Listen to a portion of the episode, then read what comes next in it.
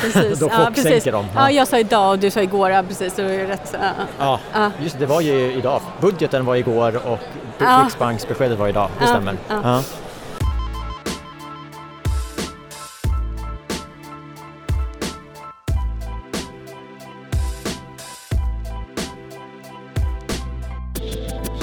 Festen är över. Krisen kommer bli ännu värre. Total krasch och förlorat år. Det är bara några av rubrikerna för att beskriva nuläget på bostadsmarknaden. Vi har under de senaste åren vant oss vid en hel del snack om bostadsbyggandet. Vad finns det för lösningar och vad behöver prioriteras? Min nästa gäst arbetar som senior bostadsanalytiker på VSP och i det här samtalet pratar vi om dagens läge på den svenska bostadsmarknaden och vad vi ser när vi blickar framåt. Låt mig presentera Linda Lövgren.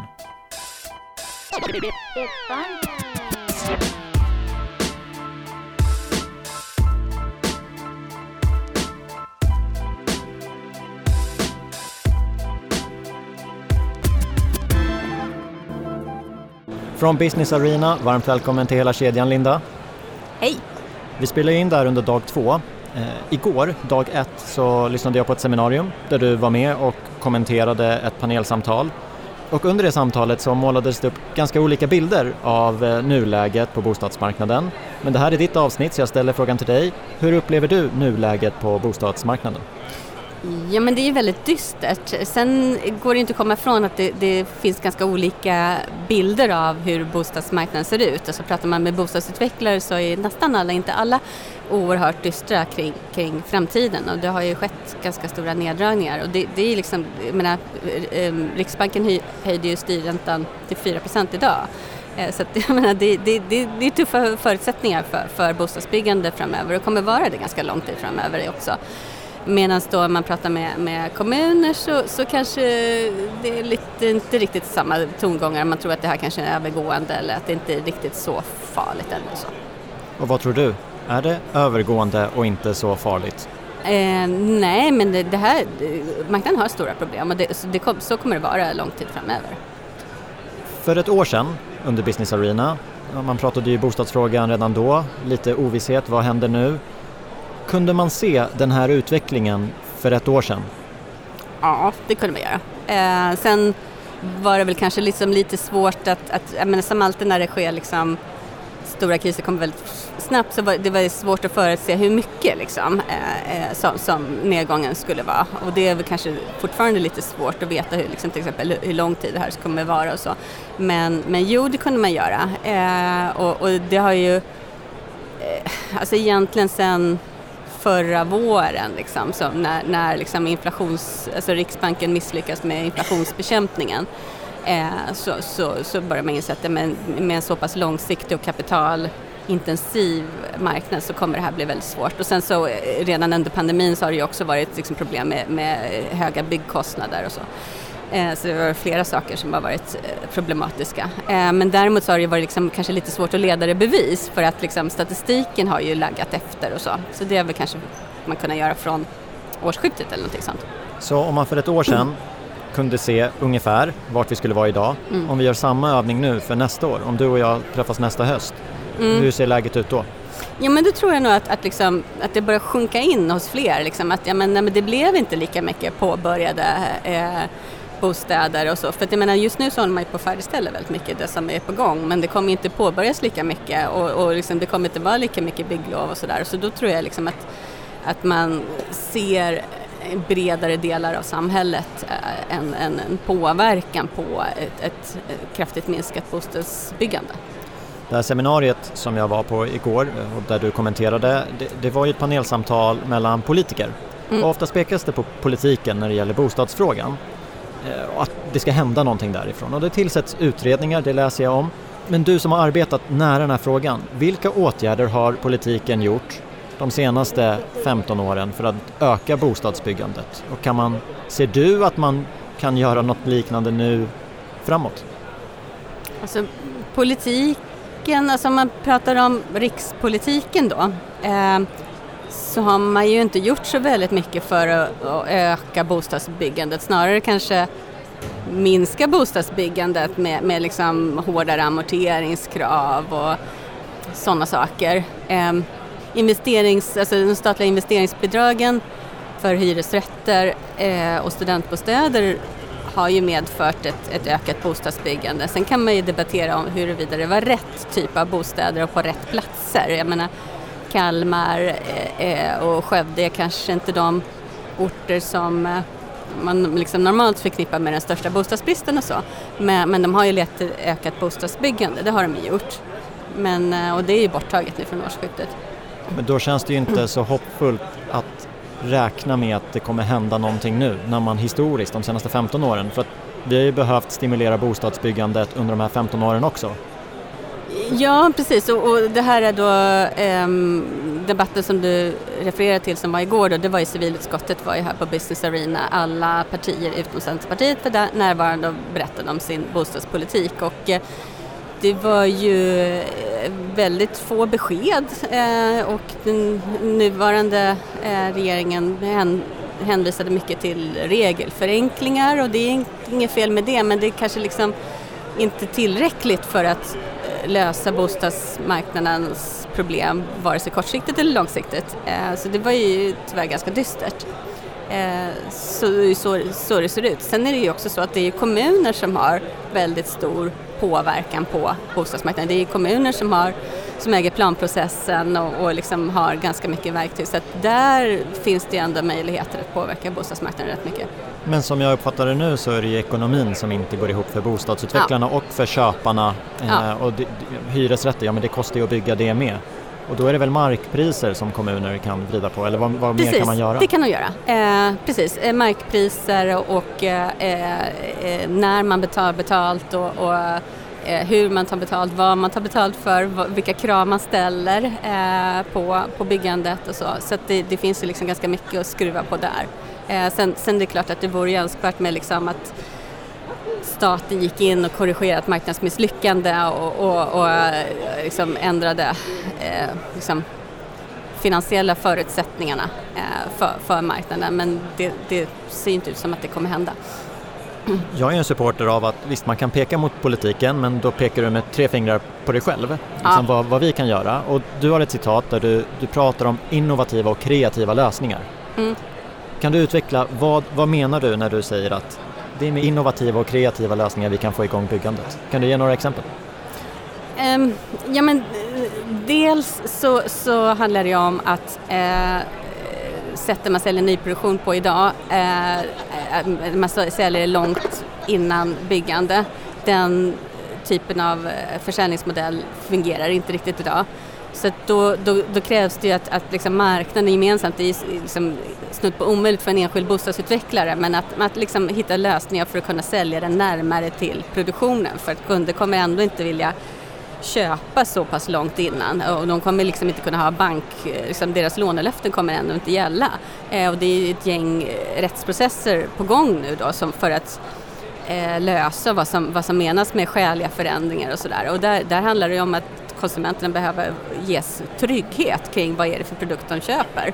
Eh, så, så det är väl det ena, men sen handlar det också om, om liksom som kommuner i nära dialog med bostadsutvecklare behöver fundera på hur ska vi liksom de få projekt som ändå har en ekonomi som, som går ihop, att hur kan vi liksom gemensamt lösa det? Och det handlar ju om att kanske ge en liten gräddfil till de projekt som har, som, där kalkylerna går ihop och så pausa andra planprojekt.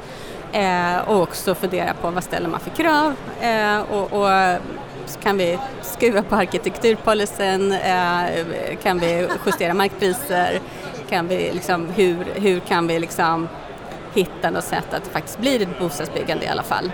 I de kommuner där man faktiskt vill att det ska byggas bostäder. Men finns den krisinsikten hos kommunerna att herregud, vi måste ju göra någonting för att det ska byggas bostäder? Eller är det det här klassiska, sist räntan gick upp så här mycket så gick den ner lika snabbt, det här kommer lösa sig? Det är väldigt olika, vi har 290 kommuner eh, och en del är på bollen och har varit det liksom, och har ändrat eh, sin organisationsstruktur och liksom hur man liksom hanterar hela den här frågan eh, och, och liksom höjt beslutsfattande kring det här liksom mycket högre upp i organisationen och så. Medan andra säger, jag har till och med hört att nej, men vi är så attraktiv kommun så det gäller inte oss. Så det är, liksom, det är väldigt varierat skulle jag säga. Det här du nämnde med att hitta en finansiering så att du kan sälja lägenheten närmare tillträdesdagen. Mm. Det, det, har jag ju också hört. Men mm. på, på, andra sidan har vi ju bankerna då som har sina krav med riskhantering. De, de får ju inte låna ut om inte ett visst antal lägenheter är sålda i, ja. på förhand. Och, och, det känns ju som en ganska stor strukturell förändring och ska du få in kapital på ett annat snabbare sätt, ja men det kapitalet är ganska dyrt så den, den lösningen den känns ju inte att den kommer lösa någonting i närtid. Och om kommuner ska förändra kanske hur de tänker, vi pratar ju ledtider, ser vi ingenting som man kan göra snabbt på, på kort sikt? Quick fix! quick fix, ja men precis, det är en långsiktig bransch, vi har en quick fix. Um, nej, det, alltså det är svårt att se om det inte sker liksom, eh, större makroekonomiska förändringar och eh, inflationen magiskt försvinner och, eller att vi sker några större liksom, politiska förändringar så, så, eh, så kommer det inte ske någon, någon quick fix. Och det kommer göra ont i marknaden, så är det liksom. Men, men, men det är, annars om, om ingenting annat förändras liksom, så, så, så, behövs det till en annan affärsmodell. Eh, och den finns i andra länder, att man säljer liksom på spekulation. Ehm, så att, ehm, men det krävs ju att det, det är banker och försäkringsbolag är, är, är med i den, den marknadsförändringen på något sätt. Budgeten släpptes ju igår ja. och eh, ja, men bostadsutvecklarna de tycker att det, det saknas en del riktade bidrag eh, mm. för, att, för att hjälpa till. Mm. Vad tror du? Jag menar om bostadsbyggandet störtdyker, det är ju inte särskilt bra för Sverige AB. Nej, och det är väl det som jag tycker är verkligen riktigt, riktigt problematiskt. Eh, det, det, är klart att jag ömmar för min bransch, bostadsbranschen och alla som verkar här och alla som inte kan få en bostad men det påverkar ju också så mycket annat. Det påverkar AB Sverige och det påverkar också liksom den enorma möjlighet vi har som land att att eh, med de här eh, gröna investeringarna som inte bara finns i Skellefteå, det, eh, jag ömmar för Skellefteå så, men det, jag menar, det händer så mycket i Boden och vi flyttar en stad i Kiruna och vad händer i Gällivare och vad händer i Luleå och, och, och i Torsboda utanför Sundsvall och, och i Mariestad och, och eh, på, på Hisingen och alltså massa, massa så här väldigt, väldigt spännande gröna industriinvesteringar. Men för att de ska fungera så krävs det att det finns bostäder som folk har råd att köpa och hyra eh, och att det finns någon som, som får kalkylerna att gå ihop för att investera i det. Och det gör inte idag i, i, i, i Skellefteå, och i, i Timrå och i, i Mariestad och så, tyvärr och, och, där, eh, det, är liksom, det, det är ett jätteproblem liksom, för, för vår eh, kompetensförsörjning och också så är det ju så att liksom, om investeringarna inte eh, funkar och liksom, det inte finns bostäder till den här arbetskraften ja men då kommer de söka sig till något annat land. Eh, och då, vi går miste om en gigantisk möjlighet som dessutom är eh, bra för klimatet. Alltså det, vi har så mycket positivt men vi får ju liksom inte missa den här bollen. Jag blir liksom lite jag eh, känner mig lite desperat. Men hallå, det här, det här måste vi liksom, det här måste vi lösa på ett bra sätt. Två mm. viktiga saker som vi arbetar med i bostadsbranschen mm. eh, känner jag, det är ju den ekologiska och den sociala hållbarheten. Mm. Hur tror du att synen på dem kommer förändras nu när det är tuffare tider? För att jag menar, bostadshus går ju att bygga på olika sätt, både vad gäller material men också hur de ser ut. Jag tänker nu när det finns lite mindre pengar i, i branschen, hur kommer det påverka Eh, bostadsbranschens transformation mot att gå mot högre social och ekologisk hållbarhet? Ja, men alltså i bästa fall så, så, så, så samverkar det positivt. För jag menar, dels är det ju så att att eh, eh, numera finns det tillgång till, alltså gör en grön investering, ekologiskt hållbar investering så har du ju tillgång till liksom andra pengar. Det finns ju liksom gröna fonder och så. Så att liksom gör du inte det så liksom då, då, då, då, har, liksom, då går du miste om, om, om investeringar. Och sen så hoppas jag att man kanske blir lite bättre på att ta tillvara på eh, det som redan finns mycket mer. Eh, dels eh, prata mycket mer om flyttkedjor, hur, hur, liksom, hur, hur behåller vi det bostadsbestånd och utnytt, utnyttjar det effektivt. Eh, men också eh, så kommer det ju finnas en hel del kontorshus som eh, inte kommer vara så intressanta att, att jobba Jag menar alla de här, de här kontorshusen som ligger i C-lägen, alltså som typ förorter, eh, så här, halvtrista förorter som ändå behöver energieffektiviseras. där har ju regeringen i alla fall gjort någon satsning på att liksom, eh, eh, se till att liksom fler kontorshus omvandlas till bostäder och så. Så att, att man inte blir lika ivrig på att riva eh, utan att kanske använder det som finns och bygger om till andra verksamheter. Så det, jag hoppas det i alla fall. Det vore väldigt bra. Och vi gjorde en studie till, till Mäklarsamfundet om det där eh, för, för något år sedan, att vad händer om vi liksom använder vårt bestånd mycket mer effektivt? Och det finns liksom enorma liksom klimatpositiva eh, fördelar fördelar att, att använda, att liksom använda vårt bestånd bättre eh, och inte bygga lika mycket. Ja, men vi har ju Boverkets prognoser där de ja. säger att vi behöver X många bostäder varje år för att mm. äh, möta ja. behovet. Men hur mycket tar de hänsyn till att ja, men vi har ju ett bestånd och om vi ökar rörligheten, att den här personen som bor i en fyrarummare, om den inte bor i en fyrarummare. Ja, nej, alltså, men det hur... har de inte med liksom, Så det, det, det är ganska statisk beräkning. Hur mycket tror du att det hade påverkat? Jag kan inte säga på rakt arm, liksom, det beror ju på vilka antaganden man, man, man gör. Så, helt enkelt. Så det blir, ja, det blir ett lite för långt resonemang för den här podden tror jag. Men det känns ju då intressant att Boverket säger att vi har det här behovet men det är inte nödvändigtvis att vi måste bygga så många bostäder Nej, om vi kan precis. fixa till andra parametrar. Ja men precis och det är ju så att det, liksom, det blir ju då eh, 50 eh, 80-plussare fram till 20, år 2035. Alltså vi blir väldigt mycket äldre i vårt land. Eh, och det är ungefär vid 80 års ålder som man har behov av ett liksom, Eh, Eh, en mer anpassad bostad. Alltså, menar, inte alla 80-åringar men liksom att, menar, att du, du, kanske skulle kunna eh, du ska, kanske skulle kunna bo någon annanstans. Och där är liksom, den lösningen också, det saknar jag också hos, hos, hos politiker. Alltså, men vad ska vi göra liksom? Hur, ska, hur skulle vi kunna få äldre att flytta? Och till exempel så är det ju så att, att när man är äldre så, så, så går det eh, är det i princip helt omöjligt att få ett bolån. Eh, och det, det börjar så tidigt som redan i 60-årsåldern. Jag har en liksom kollega i arbetsför ålder som är svårt att få, få bolån enbart på grund av eh, sin ålder. Så det, det, och det har att göra med hur bankerna räknar. Eh, och det gör att, liksom att om man då har någon som är liksom lite äldre som skulle vilja flytta till, eh, från, från villan till, till en lägenhet med, med hiss eller så eh, så, och kanske behöver låna 300 000 för att ha råd med det så kan man inte göra det.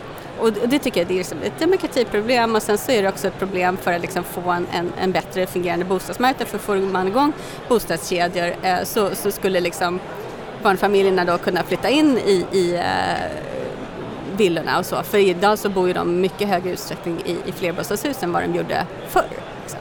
Det, är liksom, det, det, det är upp och nervänt liksom, hur vi bor i våra bostäder med reservation för att de här studierna kanske görs på någon nivå men mm. inte syns i Boverkets statistik. Jag blir förvånad då om, om vi har en bostadsbrist i de delar av Sverige där folk vill mm. bo mm. eller flyttar till. Vi, vi kan få ner det behovet genom ökad rörlighet i det mm. befintliga beståndet. Vi mm. kan göra om kontor eller andra typer av lokaler som mm. kanske inte används på samma sätt. Det känns jättekonstigt att man inte är på frågan mer från mitt perspektiv. Jag säger, mm. Man kanske är det bakom kulisserna men jag, jag känner ju inte det. Nej men precis, och jag menar, och, och, och det är också så här att det blir så himla mycket, alltså, våra riksdagspolitiker blir lite så PBL-politiker, det beror ju lite grann på det mandat de har i civilutskottet, att det blir, liksom man pratar bara byggande och byggande är bra men liksom det, det, det finns ju liksom en hel, alltså hela bostadsförsörjningen är mycket, mycket större och mycket bredare än så. Eh, så att, jag menar, vi pratar om flyttkedjor, vi pratar om liksom hur, hur, eh, vem har råd, hur får man liksom fler att ha råd att, att, att bo? Eh, och sen så också har vi inte ens berört då, den, den, den sociala problematiken. Alltså vi, vi, förstår, vi, vet inte ens hur många hemlösa som finns i vårt land. Är inte det skamligt? Va? Eh, eh, ett välfärdsland som Sverige, vi vet inte hur många som är hemlösa och än mindre har vi lösningar för det. Eh, utan liksom, det, det, är ju eh, hur, hur, kan vi inte ha en social bostadspolitik eh, som, som är liksom anpassad som på vårt land? Och det har ju liksom övriga nordiska länder har ju liksom väldigt skarpa åtaganden. Både Norge, Finland och numera även Danmark har ju gjort ganska, ganska eh, kraftiga åtaganden för att lösa hemlöshet och de allra mest utsatta. Och det är ju fler och fler och fler som blir väldigt, väldigt utsatta nu då med de höga levnadsomkostnaderna och inflationen och sådär. Och, och jätte, jättesvårt att få en bostad. Så, så att vi inte ens har koll och än mindre liksom någon bra lösning på de där sakerna, det, liksom, det, det tycker jag är, är lite ovärdigt faktiskt. Och så, det finns så många frågor i, i eh, bostadsförsörjningsproblematiken som inte ens debatteras. Och det, det blir liksom ganska smala områden och så. När jag har haft örat mot rälsen mm. i bostadsdebatten eller bostadssamtalet så har jag identifierat att det finns ju vissa eldsjälar. Mm. Du är en av dem som, som skriver, det här skulle vi vilja se, hallå, kolla här. Nu lyfter vi fram en rapport, läs den. För hela svenska folket, det är ju sällan en valfråga, bostadsfrågan mm. och den, den får inte så jättemycket utrymme tycker jag på nyheterna. Eh, rätt eller fel. Nu när bostadsbyggandet störtdyker så tror jag att det kommer bli mer fokus på det här, speciellt om vi har massa utvecklare som även går omkull. Mm. Om den här bostadsdebatten ska få mer utrymme, du har själv nämnt att du saknar vissa perspektiv mm. i den. Mm.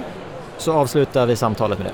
Vilka perspektiv skulle du vilja ska få mer utrymme i bostadssamtalet om bostadssamtalet får mer tid på nyheterna? Ja, men det är väl de två frågorna som jag lyfte. Alltså dels handlar det om, om den sociala bostadspolitiken. Jag menar att hur kan vi acceptera att vi är hemlösa i, i Sverige? Eh, jag tycker att det liksom borde vara en del av nationell stolthet att vi gör som Finland och liksom utrotar hemlösheten. Så. Ehm, det, det, för att vi ska kunna se oss själva i, i spegeln. Det är den ena och den andra är ju liksom en, en, en debatt som kommer att komma liksom med, med tågets hastighet som vi liksom kunna se framför oss länge. och Det är liksom äldres boende. Ehm, för att det, liksom, det kommer vara fler och fler och fler äldre som sitter ensamma i sin villa som inte kan gå i trapporna och inte kunnat det på länge. Liksom. Och det är en ensamhetsproblematik och det är liksom en hälsoproblematik och det är, liksom, eh, det är också resursutnyttjande kan man säga om man ska bara se det rent så här nationalekonomiskt. Eh, och, och att det behövs liksom en, en, en äldre perspektiv mycket, mycket högre utsträckning i bostadsdebatten. Om vi ses om ett år, mm. nästa höst, 2024, ja. vad pratar vi om då? Då tror jag att vi pratar mycket mer om eh, kommunernas eh, situation när, när deras eh, exploateringsavdelningar inte längre finansieras av alla bostadsutvecklare och vad de gör. Det ska bli spännande. Stort tack för att du gästade hela kedjan. Ja, tack så mycket.